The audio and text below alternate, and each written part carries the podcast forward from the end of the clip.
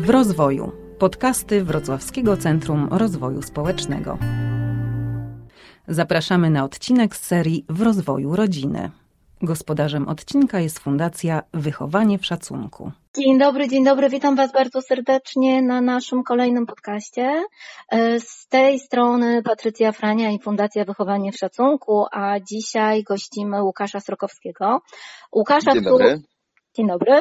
E, Łukasz jest e, specjalistą, mam nadzieję, że nie, nie zaprzeczysz, e, jest, jest specjalistą, który bardzo często i dużo opowiada o internecie, o wpływie mediów społecznościowych, ale również o tym, jak internet wpływa na nasze dzieciaki, ale również co my jako rodzice możemy z tym internetem robić, żeby nam wszystkim było dobrze i bezpiecznie, no i z jakąś taką dużą dozą rozsądku. W związku z tym, Łukasz, zostałeś dzisiaj do, zaproszony do, do naszego podcastu mm, po to, żebyśmy o tym internecie mogli porozmawiać, no i tym razem trochę o internecie również w dobie covid -a. Ale mam prośbę na początku, powiedz kilka słów o sobie.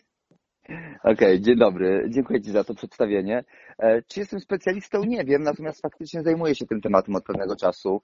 E, od 2013 prowadzę różne badania i projekty związane z e, funkcjonowaniem dzieci i młodzieży w sieci. No a obecnie też od trzech lat prowadzę e, autorską szkołę podstawową na Wigo we Wrocławiu, od tego roku też w Poznaniu, więc mam do czynienia na co dzień z dziećmi w wieku, w wieku od 6 lat zaczynaliśmy, no teraz już mamy prawie 10 latków w szkole, mhm. więc widzę dokładnie jak oni się rozwijają i widzę jak zderzają się, coraz częściej pojawiają się w naszych rozmowach tematy właśnie zahaczające o internet, o portale społecznościowe. Już 9-10-latki są zainteresowane, niekoniecznie powinny z tego korzystać, o to będziemy zaraz mówili, ale już są zainteresowane i dopytują, więc ten temat zaczyna, zaczyna bardzo od strony praktycznej, tak mam okazję na dużych, dużych grupach dzieci obserwować. I faktycznie jest to trudny wątek, zwłaszcza w tej chwili, bo mamy zderzenie tego, jaka była normalna praktyka cyfrowa jeszcze do marca tego roku i nagle w sytuacji pandemii została totalnie zaburzona higiena cyfrowa dzieci i młodzieży. I to sprawia, że musimy tak naprawdę trochę na nowo przemyśleć nasz model e, tej relacji między dziećmi a technologią i zastanowić się, co zrobić, żeby nasze dzieciaki potrafiły się w tym odnaleźć i też były przygotowane, gdyby takie sytuacje jak ta, niekoniecznie kolejny lockdown, ale jakakolwiek inna losowa sytuacja, zmusiły nas znowu do, do zmiany funkcjonowania w świecie cyfrowym. Mhm. Będziemy mieć dzisiaj dwa duże wątki, które musimy zmieścić e, na krótkiej przestrzeni czasu. Natomiast tak, e, o tych dwóch wątkach Ty powiedziałeś. Z jednej strony dostęp e, młodzieży i dzieciaków do mediów społecznościowych i takie parcie w tym kierunku, no bo to w dużej mierze jest ich kawałek świata, a z drugiej strony ta higiena, higiena funkcjonowania w sieci w dobie, no mamy za sobą koronawirusa, ale, ale właśnie mamy tak dużo niepewnych znaków zapytania przed sobą, że sytuacja czy pandemiczna, czy inna w kontekście tego internetu i braku tej higieny, ona się może powtórzyć, więc to jest drugi temat, który bym chciała dzisiaj z Tobą poruszyć. Zacznę od, tego, zacznę od tego pierwszego. Ja mm, prywatnie mam dwójkę dzieci, między nimi jest zaledwie 3 lata różnicy. Starsza córka ma 16,5, młodsza ma 13 z hakiem i widzę ogromną różnicę pomiędzy ich podejściem do mediów społecznościowych i ich funkcjonowaniem w sieci nie wiem, czy to jest takie naturalne dla dzieciaków, że ta różnica nawet tych trzech lat między 17 prawie latką, a, a prawie 14 latką, że e, to już jest prawie inne pokolenie i te niższe są jeszcze innym pokoleniem, czy to jest moja specyfika domowa, ale chciałabym, żebyś właśnie odniósł się do tego, jak te starsze dzieci y, używają internetu, jak te mm, średnie i jak te najmłodsze i co, na co my jako rodzice powinniśmy zwrócić uwagę, co może nas niepokoić, a co jeszcze nie powinno. Mhm.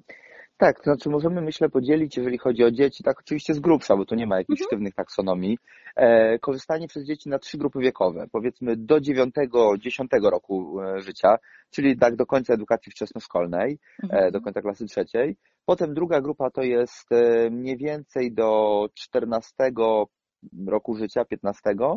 potem od 15 już e, w górę powoli przechodzące z właściwie nie ma końca tego ostatniego przedziału, bo on po prostu przechodzi w normalną dorosłość, Aha. czy też właściwie w nową dorosłość, taką jak ona dzisiaj jest, mhm. a jest mhm. czymś zupełnie innym niż dorosłość, kiedy e, Patrycja, ty lub ja wchodziliśmy w nią lat temu kilka, kilkanaście, powiedzmy tak. Jasne, dziesiąt, e, ale tak. trzymajmy się naście. E, więc e, więc e, musimy tutaj spojrzeć na to z tych trzech różnych perspektyw. I tak mogą być różnice, więc z jednej strony to jest kwestia faktycznie wieku dzieci, a z Mhm. drugiej strony to jest kwestia tego, że technologia zmienia się bardzo szybko. Możliwości i to, co robią dzieci, też bardzo szybko się zmienia. Wprawdzie mam wrażenie, że ten rozwój troszeczkę wyhamował w ostatnich 3-4 latach. Znaczy, ustaliły się pewne trendy, portale społecznościowe okrzepły w pewnej formie i o, mimo tego, że pojawiają się pewne nowości, nowe elementy, e, nowe narzędzia, takie jak choćby ostatnio szturmem podbijający sieć TikTok wśród Mhm. nastolatków, to, to mimo wszystko jakby tutaj mamy pewien moment stabilizacji. Nie wiem, czy to jest cisza przed burzą, czy to jest tak, że tu już osiągnęliśmy pewien stabilny model, który po prostu będzie funkcjonował. To pewnie przyszłe, przyszłe kilka lat pokaże. Natomiast y, zmiany dotyczą przede wszystkim łatwości dostępu.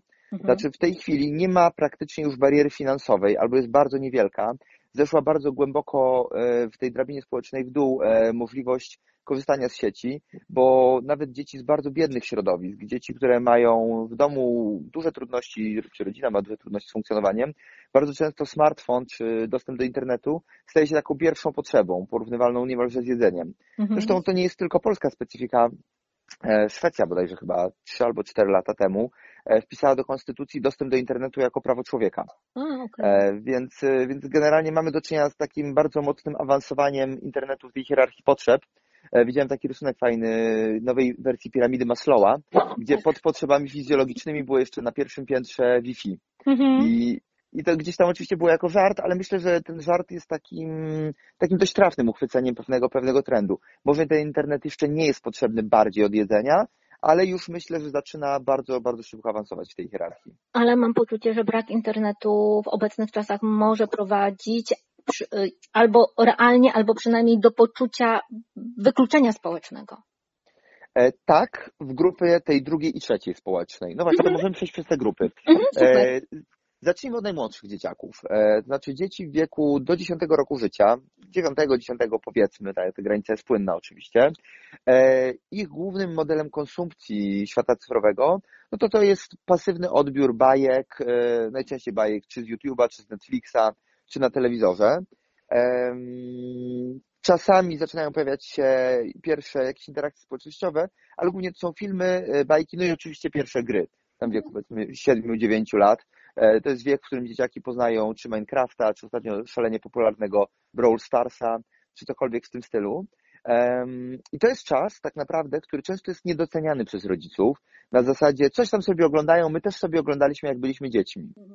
Tylko, że jest dość fundamentalna różnica, bo kiedy my byliśmy dziećmi, to nasza relacja z technologią nie miała y, możliwości tak głębokiej zmiany w kolejnych latach, jak ma dla naszych dzieci. Ja z kolei mam dwie córki sześcio i ośmioletnią i tak obserwuję i mam świadomość tego, że to, jak one teraz, jaki one teraz model sobie tej relacji z internetem i z mediami cyfrowymi wytworzą, bardzo mocno będzie kształtował ich postępowanie przez kolejne 10 lat. Więc ten czas jest czasem dla rodziców na zbudowanie mm, odpowiedniego myślenia dzieci o, o sieci. I tutaj już od razu pierwszym konkretem pójdźmy.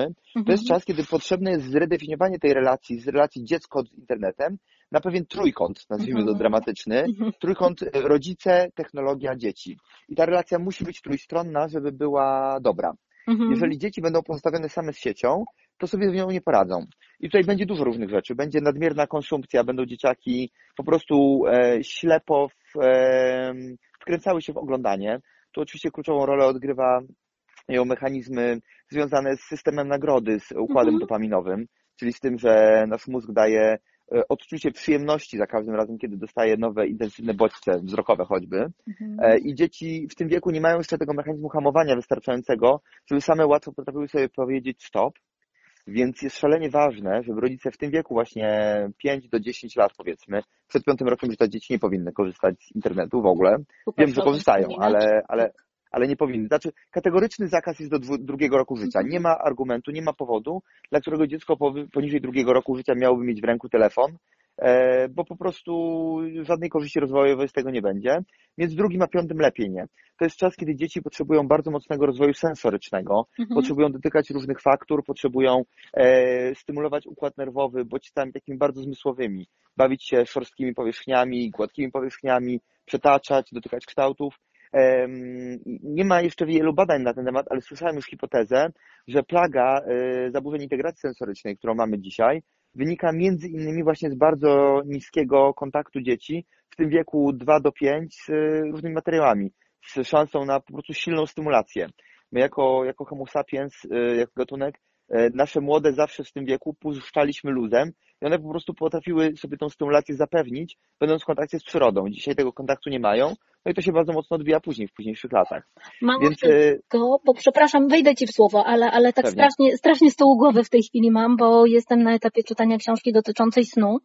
E, mam poczucie, że internet i długie korzystanie z internetu, szczególnie w godzinach wieczornych, ono jednak pewne zaburzenia snu wprowadza a ten etap między drugim a piątym rokiem życia jest etapem, gdzie bardzo ważny jest ten y, sen REM, czyli z marzeniami sennymi, mm. bo on powoduje rozwój połączeń neuronalnych w naszym mózgu, poza tym, co się w ciągu dnia dzieje i, i poza tą symulacją, o której ty powiedziałeś, yy, związaną z rozwojem sensorycznym, to wszystko to ma przełożenie potem w nocy na dodatkowe utrwalanie tych połączeń neuronalnych i w momencie, kiedy ten internet będzie nam, zbyt dużo internetu będzie nam zaburzało sen, to, ta, to te połączenia neuronalne też w trakcie snu będą się nam gorzej, te połączenia będą się gorzej rozwijały. O. Zdecydowanie tak. E, zwłaszcza e, to dotyczy właściwie nawet okresu tak do ósmego roku życia, bo to jest ten czas piąty, siódmy rok, kiedy następuje pierwsza mielinizacja układu nerwowego, czyli wokół neuronów się pojawiają słonki mielinowe, a to jest czas, kiedy bardzo mocno się kształtuje, kształtuje mózgowie dziecka e, że tak medycznie pojadę trochę. Mhm. I przekładając to na bardzo takie praktyczne, praktyczne efekty, wysoki poziom pobudzenia, niski poziom koncentracji, trudność z zasypianiem, ataki złości, to wszystko są gdzieś tam efekty, tego niedostymulowania sensorycznego, tego, że dziecko po prostu za mało się bawiło w piasku, tak bardzo, bardzo to upraszczając.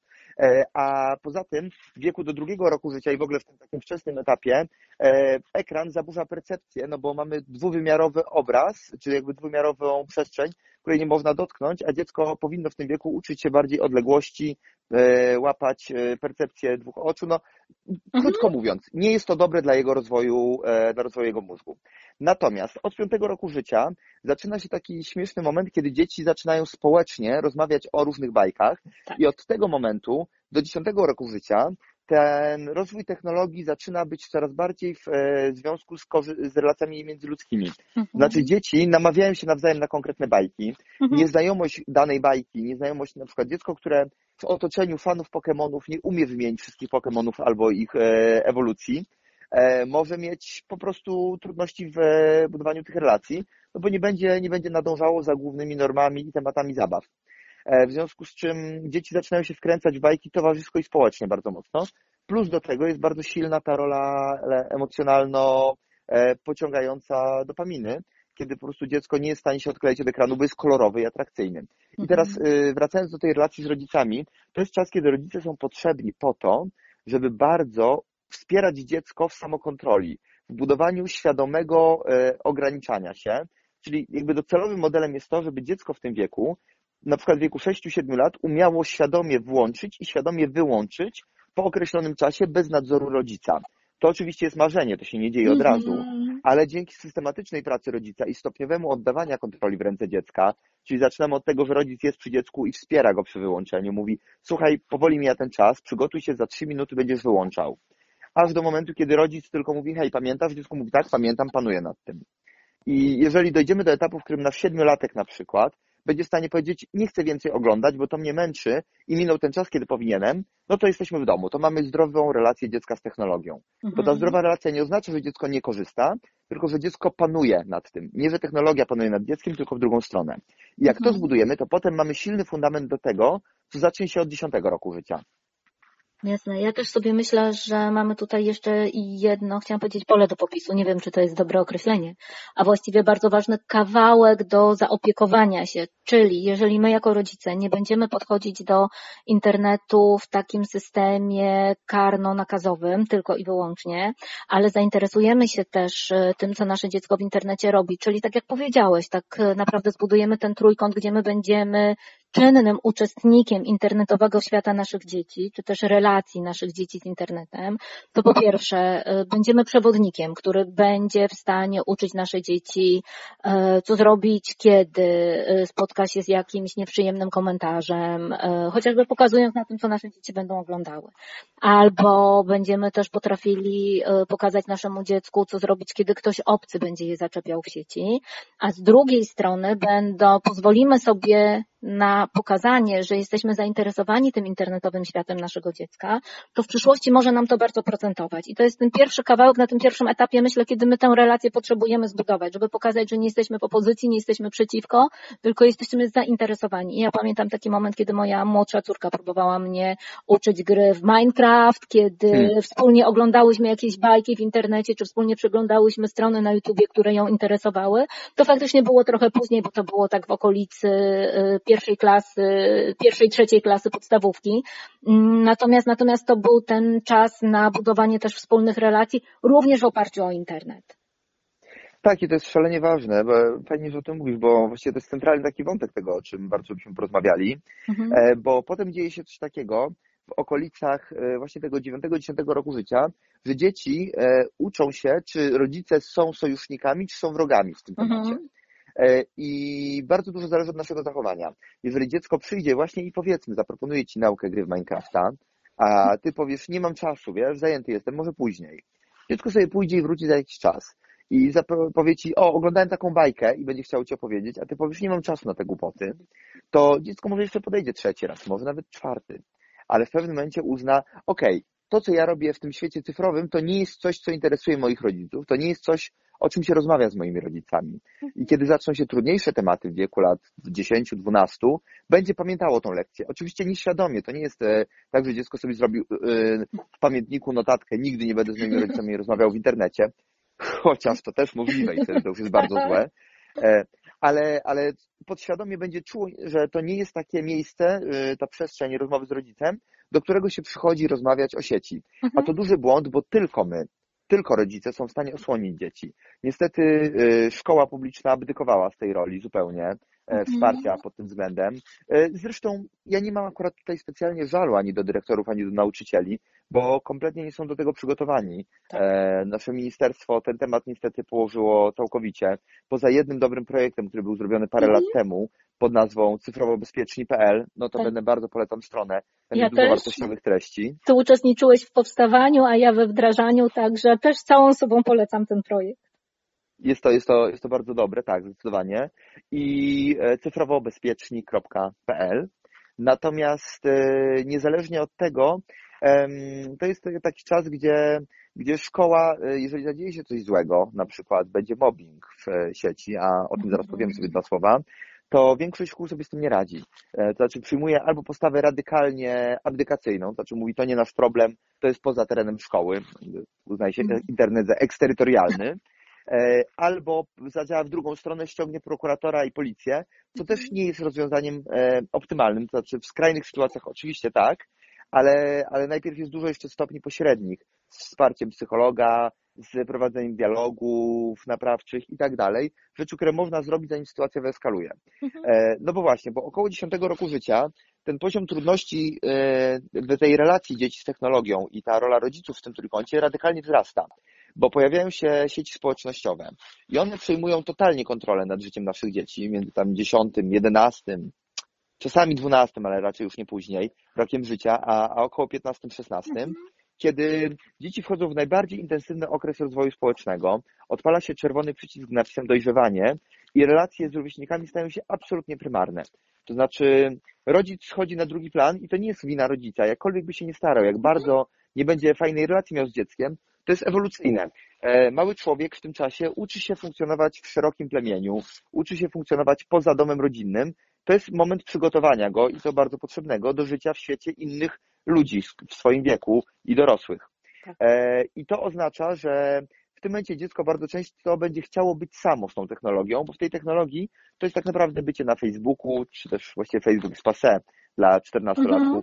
Bardziej bycie na Snapchacie, na TikToku, czy też jakichkolwiek innych narzędziach, które w danym momencie i w danej grupie będą popularne, bo też tutaj są nisze i regionalne i czasami nawet wewnątrz konkretnej szkoły jakieś narzędzie uzyskuje wysoką popularność. E, no i zaczyna się ten moment, niestety, sieć bardzo wyzwala okrucieństwo wśród dzieci. Generalnie 12-13-latki są okrutnymi ludźmi, po prostu, bo ten ich rozwój społeczny jest jeszcze niedokończony, nie ma tych mechanizmów hamowania, a są za to bardzo silne mechanizmy stadne, chęć zbudowania silnej grupy, często w opozycji, no bo wiadomo, silną grupę tworzy się najczęściej i najłatwiej poprzez znalezienie wroga, najlepiej kogoś tak. relatywnie blisko, czyli na przykład kozła ofiarnego w klasie. E, no i to, to, są, to są mechanizmy społeczne, one są nieuniknione, natomiast internet sprawia, że one się stają bardziej krwawe, bardziej bezwzględne. Mhm. I e, w wieku, kiedy ta wrażliwość dzieci jest bardzo duża, potrzebny jest szczególnie mocno ten wpływ mądrych, odpowiedzialnych dorosłych, którzy będą w stanie z dziećmi rozmawiać. I wiadomo, że nie, nie, bardzo, bardzo zachęcam do tego, żeby nie inwigilować swoich dzieci, nie zakładać kont, które będą je szpiegować, bo, bo dzieci są sprytne i się zorientują, a jak się zorientują, to tracimy ich zaufanie na lata. E, natomiast zresztą bardzo wiele dzieci w tym wieku zakłada dwa konto, dwa konta żeby na portalach tylko, żeby, żeby tylko dwa. Tak, jedno oficjalne dla rodziców, jedno, jedno dla normalnego funkcjonowania. Mhm. Natomiast, y, natomiast generalnie to jest ten czas, kiedy rodzice mogą rozmawiać z dziećmi po prostu o tym, co się dzieje. Mamy to szczęście, że my jesteśmy pokoleniem rodziców w większości, które już dorastało, albo przynajmniej w okresie studiów miało do czynienia z portalami społecznościowymi i mniej więcej rozumiemy ich logikę i mechanikę tą mechanikę i dynamikę społeczną. Więc jesteśmy w stanie gdzieś tam wejść w ten dialog i tutaj bardzo warto rozmawiać z dziećmi na przykład na zasadzie, ok, słuchaj, e, tak z ciekawości, to jak wy macie jakąś grupę klasową, a jak to funkcjonuje? Zobacz, bo my mamy taką grupę towarzyską, mogę ci pokazać.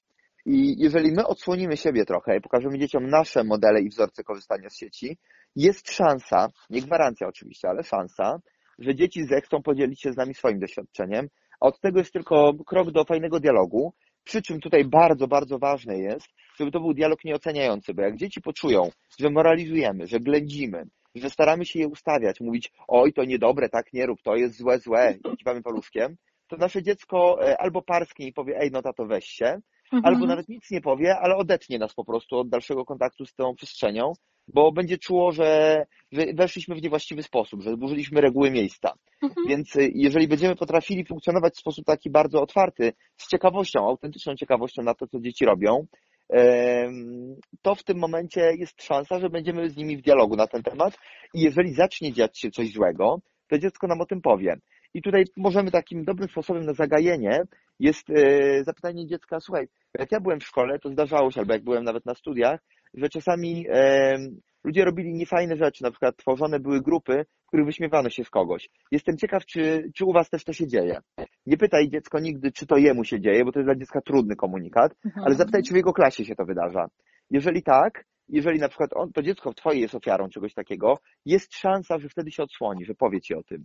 E, a wtedy już możesz zacząć z nim rozmawiać, pracować, może zadziałać ze szkołą, może zadziałać z psychologiem, w zależności od tego, jakie masz ustawienie konkretne. E, no i to już tworzy pewne możliwości. Nie tylko, no potem... Ja tylko, tylko wtrącę, bo myślę, że to jest ważny kawałek, nie tylko jeżeli jest ofiarą, nawet jeżeli jest świadkiem, tak, czy biernie uczestniczy w takiej grupie, to jest to albo bardzo ważne. Tak, albo sprawcą, dokładnie, ale dalej jest szansa, że ono nam o tym powie, bo niekoniecznie musi się w tym czuć wygodnie. Czasami jest tak, że coś pójdzie za daleko, coś się mhm. wymknie spod kontroli naszych dzieci i one wcale nie do końca chcą w tym uczestniczyć, ale wydarzenia poszły już tak daleko, że nie potrafią się z tego wycofać i, i tak jak mówisz, to nie, trzeba, nie, nie chodzi tylko o te dzieci, które są ofiarami, ale generalnie o, o całą grupę dzieciaków zaangażowaną w taką sytuację. Dokładnie tak, bo efekt jest taki, że, że dzieciaki często sobie nie radzą z tymi sytuacjami, również nawet w roli sprawców, mhm. bo przecież dzieci nie są okrutne dlatego, że chcą być okrutne. Dzieci potrafią być okrutne dlatego, że podążają za e, swoją potrzebą statusu, prestiżu w grupie, chcą zbudować swoją pozycję, władzę, cokolwiek takiego i często, kiedy sytuacja rozwija się za daleko, nie za bardzo umieją to zahamować, żeby nie stracić twarzy społecznie. Mhm. My jako dorośli, bardziej doświadczeni w relacjach międzyludzkich, jesteśmy być może w stanie im w tym pomóc. Więc, e, więc to jest na pewno ważny kawałek. No a potem zaczyna się kolejny obszar w okolicach 14-15 roku życia, kiedy do tej relacji z technologią dochodzą jeszcze wątki e, związane z rozwijającą się seksualnością dziecka. To się oczywiście dzieje trochę wcześniej, ale takiego pełnego rozpędu nabiera w okolicach 14, 15, 16 roku życia. Pamiętam, jak kiedyś gimnazjalista w trakcie, w trakcie wywiadów, które robiliśmy badań dla MENU parę lat temu, powiedział mi takie fajne zdanie, Wie pan, bo my ze starymi nie rozmawiamy o dwóch rzeczach. O internecie, o tym, co robimy tam w sieci i o seksie. A często to jest jedno i to samo. Mhm. I ja tak sobie myślę, oczywiście powiedział trochę innymi słowami, ale, ale generalnie taka była esencja. E, I, I, generalnie myślę, że to jest dość prawdziwe. To znaczy dzieci, dzieci, nastolatki, tak, to już w ograniczu bycia tak. dzieckiem, tak. eksplorowały swoją seksualność zawsze, za zgodą rodziców lub nie. My, kiedy byliśmy w tym wieku, też robiliśmy różne rzeczy, z których jesteśmy dzisiaj mniej lub bardziej dumni. Natomiast y, dzieci dzisiaj przez technologię mają więcej zagrożeń, bo wtedy jednak wszystko rozgrywało się w najgorszym wypadku między kilkoma, dwoma osobami, tak? Dzisiaj na przykład jest takie zjawisko jak sexting, czyli wysyłanie sobie nagich zdjęć przez e, nastolatki. Bardzo, bardzo powszechne. Nie wiem, e, Patrycja, ja kiedyś o tym mówiłem, może na którymś z wykładów, na których byłaś, mm -hmm. ale nie wiem, czy pamiętasz, jaka liczba dzieciaków w badaniach przyznała się do tego, że otrzymała chociaż raz rozbierane zdjęcia od kogoś z klasy w wieku lat 15. Ja nie pamiętam tej cyfry, Wtedy? ale pamiętam, że ona dla mnie była szokująco duża. 70%. Właśnie, 70% tak, dzieciaków tak, tak, tak przyznało się, że, mhm. że otrzymało takie zdjęcia, a 30% że wysłało. Tak. I teraz y, jakby czy to jest reprezentatywne, czy nie, to jakby można dyskutować, bo pewnie są różne klasy, różne środowiska, różne szkoły, ale nie ma co się łudzić, że moje dziecko jest takie grzeczne, ta jego klasa jest taka fajna, na pewno to się nie dzieje. To, to, to się dzieje. I tylko kwestia jest tego, czy my będziemy umieli osłonić nasze dziecko przed tym, żeby ono takiej głupoty nie zrobiło, mhm. bo same zestawienie tych dwóch liczb 30 i 70% pokazuje, że większość z tych zdjęć e, jest potem rozsyłana dalej, dociera do więcej niż jednego adresata. E, I często coś, co wydawało się niewinnym żartem, elementem jakiejś tam rodzącej się romantycznej relacji między dwójką 16, 15, 17 latków, nagle staje się koszmarem bo mhm. na przykład chłopak zrywa z dziewczyną i dziewczyna zrywa z chłopakiem, zdaje, zdarza się coś złego w tej relacji, no i jedna ze stron zostaje z nagimi zdjęciami. Wcale nie zawsze to są nagie zdjęcia dziewczyny. Czasami to działa też w drugą stronę. Tak. I te zdjęcia zostają upublicznione. E, jest mnóstwo historii dzieci, które z tego powodu zmieniały szkołę, czasami zmieniały miasto.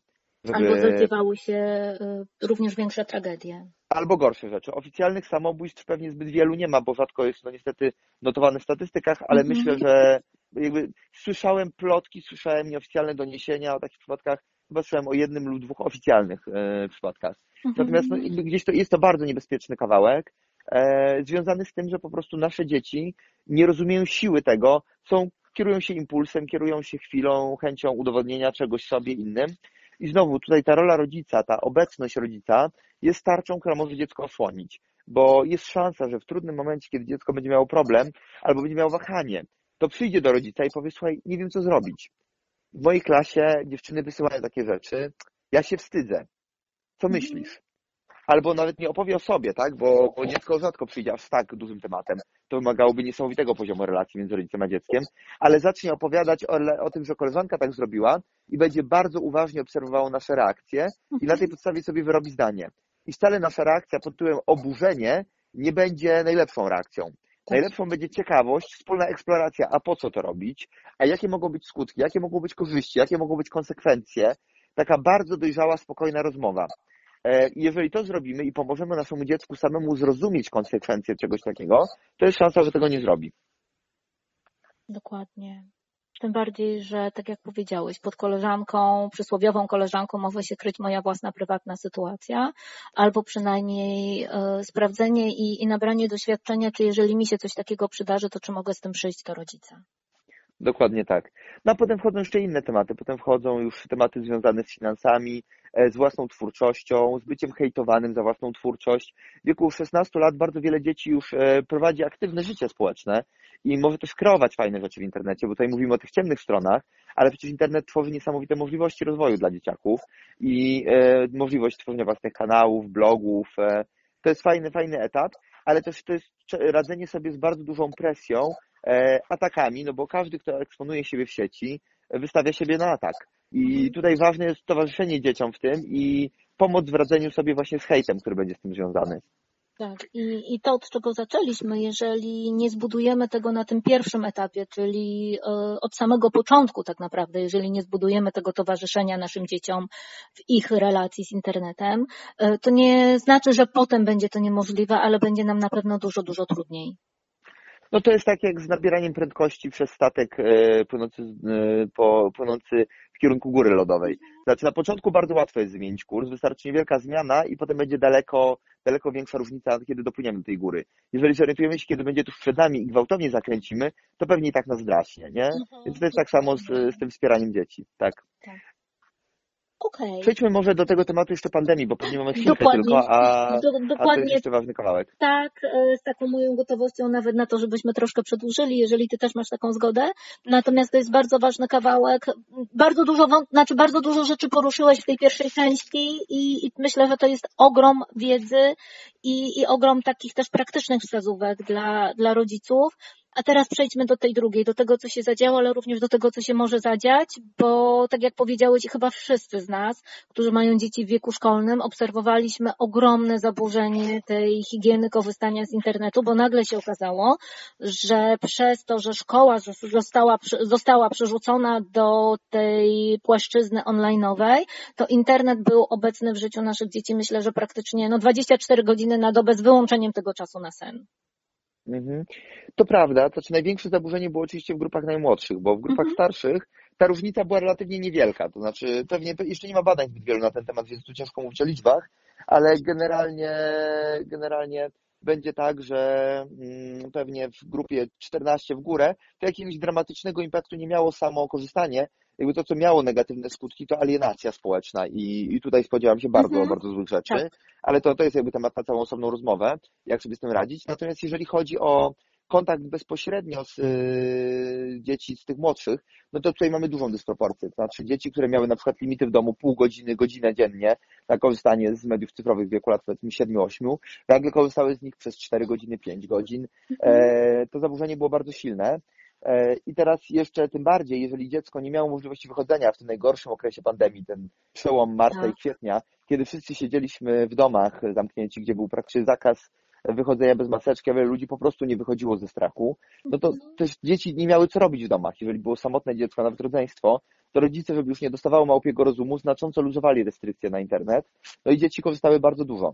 I teraz yy, na szczęście były wakacje, większość ludzi gdzieś tam powyjeżdżała, bardzo ważne jest teraz zrobienie silnego detoksu. To znaczy, trzeba powiedzieć wprost i zrobić cezurę, powiedzieć, tamten okres jest za nami, było inaczej, wracamy do tego, jak było.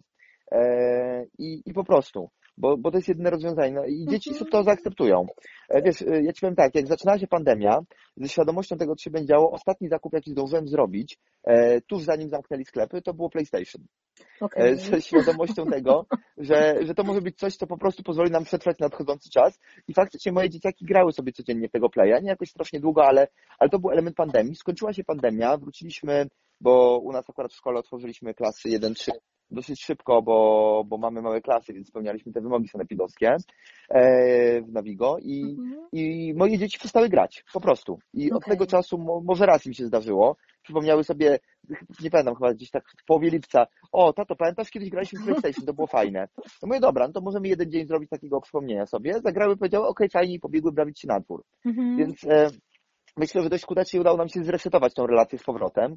E, Play się zakurzył ostatnio właśnie zobaczyłem, że już ten, że pady pokryły się kurwem, więc taki dla mnie dosyć optymistyczny mhm. objaw.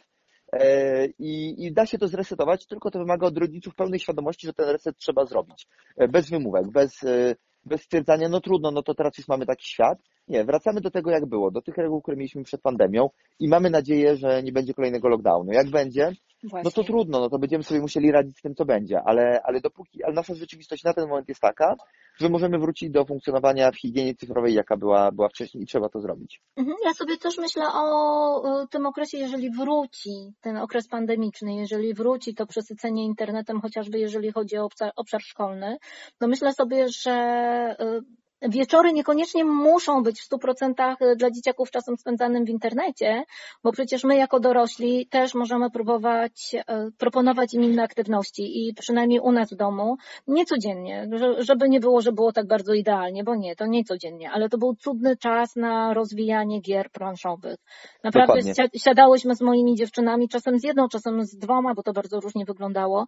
Mm, czasem jedna chciała, czasem druga też albo i nie ale to był czas na spędzanie wspólnego czasu, na gadanie o książkach, na e, nagranie właśnie przy, przy różnych, różnych planszówkach, e, czasem układanie puzzle i to był fajny czas na budowanie wzajemnych relacji, właśnie w oderwaniu od tego internetu, bo ja też mam takie poczucie, że moje dziewczyny były internetem zmęczone do tego stopnia, że starsza córka postanowiła e, trochę z wymogu sytuacji, bo zepsuła dwa swoje telefony, jeden zbiła, drugi utopiła, postanowiła przejść na telefon bez internetu autentycznie i teraz wracając, wracając do szkoły zastanawia się tylko nad tym, czy w obliczu budowania relacji społecznych nie okaże się, że jej ten internet w telefonie będzie potrzebny. Na razie daje sobie szansę na to, żeby pobadać i zobaczyć, no i yy, wraz z rozwojem wypadku będziemy się też zastanawiali, co z tym zrobić. No zapewne będzie, przed tym raczej nie tak uciekniemy, ale, ale sam fakt, że potrafiła takie samo ograniczenie wprowadzić, mm, gratuluję Ci, to jest, to jest świetna robota rodzicielska.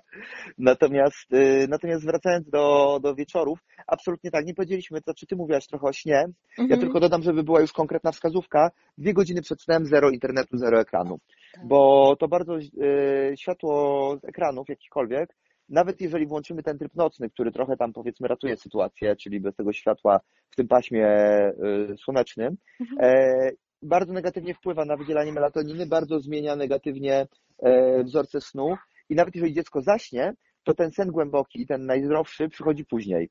E, te fazy są bardziej poszarpane, więc, więc generalnie to absolutnie na nie. Notabene to dotyczy też nas dorosłych. Eee, więc jeżeli ktoś ma nawyk, jest już prawie północ, już tylko sprawdzę ostatni raz Face'a, napiszę ostatniego maila i idę spać, to, to to złe jest. Znaczy wiem, że czasami rzeczywistość po prostu to wymusza, ale na pewno nie jest to zdrowe dla naszego snu. Ja nawet eee, Natomiast... tego ja nawet tego doświadczyłam już niekoniecznie sprawdzając media społecznościowe, tylko mając e, w telefonie zainstalowany program do czytania książek i, e, i przyznam szczerze, że uwielbiam czytać wieczorami, natomiast złapałam się na tym, że to czytanie wieczorne w internecie kompletnie mi nie sprzyja. Mhm, tak, no trudniej się zasypia po mhm. prostu. Natomiast, y, natomiast wracając do, do wieczorów, bardzo ważny jest jeszcze czas kolacji, to znaczy e, coraz więcej e, jest na ten temat e, i badań, i opinii eksperckich, że czas kolacyjny powinien być czasem zawsze bez urządzeń cyfrowych, w trakcie którego rodzice spędzają czas na rozmowie z dziećmi. My sobie na przykład wypracowaliśmy w domu z trudem zresztą rytuał, to akurat moja żona tutaj była bardziej konsekwentna ode mnie, że kolacji nie ma, nie ma bajek żadnych, za to wyciągamy sobie, mamy taką fajną grę, akurat teraz moje dziewczyny są na etapie Harry'ego Pottera, więc mamy quiz na temat wiedzy o Harrym Potterze i tam kilkaset pytań jest i po prostu losujemy pytania i odpowiadamy po kolei. Jest to mega fan, zrobił się z tego taki rytuał, że dziewczyny jak są wołane do kolacji, to po prostu zawsze biegną, biegną z tą grą. E, I, I to jest coś, co jest fajne. Każda rodzina może swój własny rytuał wypracować, ale bardzo ważne jest, żeby to faktycznie był czas bez ekranów. Bo, bo to, jak wyrobimy jako nawyk, to potem łatwiej jest ten nawyk przechować przez cały okres dojrzewania. Mhm. Tak, bo, bo te nawyki nam zostają, a one potem nawet okazują się bardzo korzystne. Sama pamiętam taką sytuację znajomej, która mając lat nawet 20 i 20 parę, a mieszkając jeszcze w domu rodzinnym, bo tak wyglądała sytuacja, e, miała zakorzenione, że o godzinie 19 mają w domu wspólną kolację i to był taki czas, który był nie do ruszenia. Ona, mhm. niezależnie jakiego spotkania, przed godziną 19 wychodziła na wspólną kolację z rodzicami, a potem ewentualnie wracała do tego życia towarzyskiego, które dalej. Mhm. I to jest super, to jest ważne, bo nie chodzi o to, żeby dziecku zupełnie pozbawić tego kontaktu, mhm. ale stwórzmy miejsce, gdzie jesteśmy rodziną, wchodzimy przez ten konkretny czas godziny. To, to bardzo, bardzo pomaga. Jasne. Pewnie, Łukasz, po naszym spotkaniu pojawi się jeszcze dużo różnych pytań. Ja obiecuję, że będę pilnowała, kiedy na stronie WCRS-u, Wrocławskiego Centrum Rozwoju Społecznego, pojawi się ten podcast i e, zaproszę Cię, wtedy przypomnę Ci o nim, e, żebyśmy mogli go śledzić na bieżąco i pewnie, jeżeli się będą pojawiały jakieś pytania, to po prostu na nie jeszcze odpowiadać, bo... Bardzo chętnie. Bo zakładam, że, zakładam, że będzie, że, że może się rozwinąć jeszcze dodatkowo dyskusja. No właśnie w tym świecie internetowym kontaktowym, który umożliwia nam chociażby to, żeby dzisiejsze spotkanie e, było dostępne dla bardzo szerokiego grona. I tak jak powiedziałeś, z jednej strony internet może być niebezpieczny, z drugiej strony stwarza ogrom możliwości i dla nas dorosłych, i dla naszych dzieciaków do tego, żeby się rozwijać w takich przestrzeniach, do których kiedyś mieliśmy dużo bardziej utrudniony dostęp. Jak najbardziej. E, Patrycja, ja Ci dziękuję bardzo w takim ja razie. Tobie, ja Tobie również. E, wszystkich Państwa e, zapraszam, jeżeli ktoś chce śledzić mój profil na Facebooku, prowadzę otwarty, gdzie czasami publikuję różne rzeczy na temat edukacji, więc można znaleźć mnie Łukasz Strokowski po prostu na Facebooku i zaprosić do znajomych. Przyjmuję takie zaproszenia, a oprócz tego oczywiście zapraszam wszystkich też do śledzenia tego, co robimy u nas w naszej szkole, autorska szkoła podstawowa Navigo Wrocław i Navigo Poznań bo tutaj też czasami publikujemy różne rzeczy związane czy z edukacją szeroko pojętą, czy właśnie z, z rozwojem dzieci w tym takim dosyć krytycznym wieku e, między szóstym, dziesiątym rokiem życia. Aktualnie, jak nasze dzieci będą rosły, będziemy też pisali o kolejnych latach. Hmm, jasne. Bardzo, bardzo Ci dziękuję. Bardzo Ci dziękuję za polecenie tych e, dwóch e, stron, nie, nie stron. Miejsc. Miejsc właśnie, może, może tak. E, sami w fundacji e, czasem podlinkowujemy twoje, twoje posty, bo uważamy, że one są bardzo, bardzo cenne. Także, także ogromnie, ogromnie dziękuję Łukasz za dzisiejsze spotkanie, a Państwa zapraszam do komentowania, do zadawania pytań i do pozostania z nami w kontakcie. Dzięki Łukasz. Dziękuję, do usłyszenia. Dziękujemy za wysłuchanie podcastu i do usłyszenia w kolejnych odcinkach. Podcastów w rozwoju możecie słuchać na ośmiu platformach, w tym Spotify, Anchor, Google Podcast i Castbox.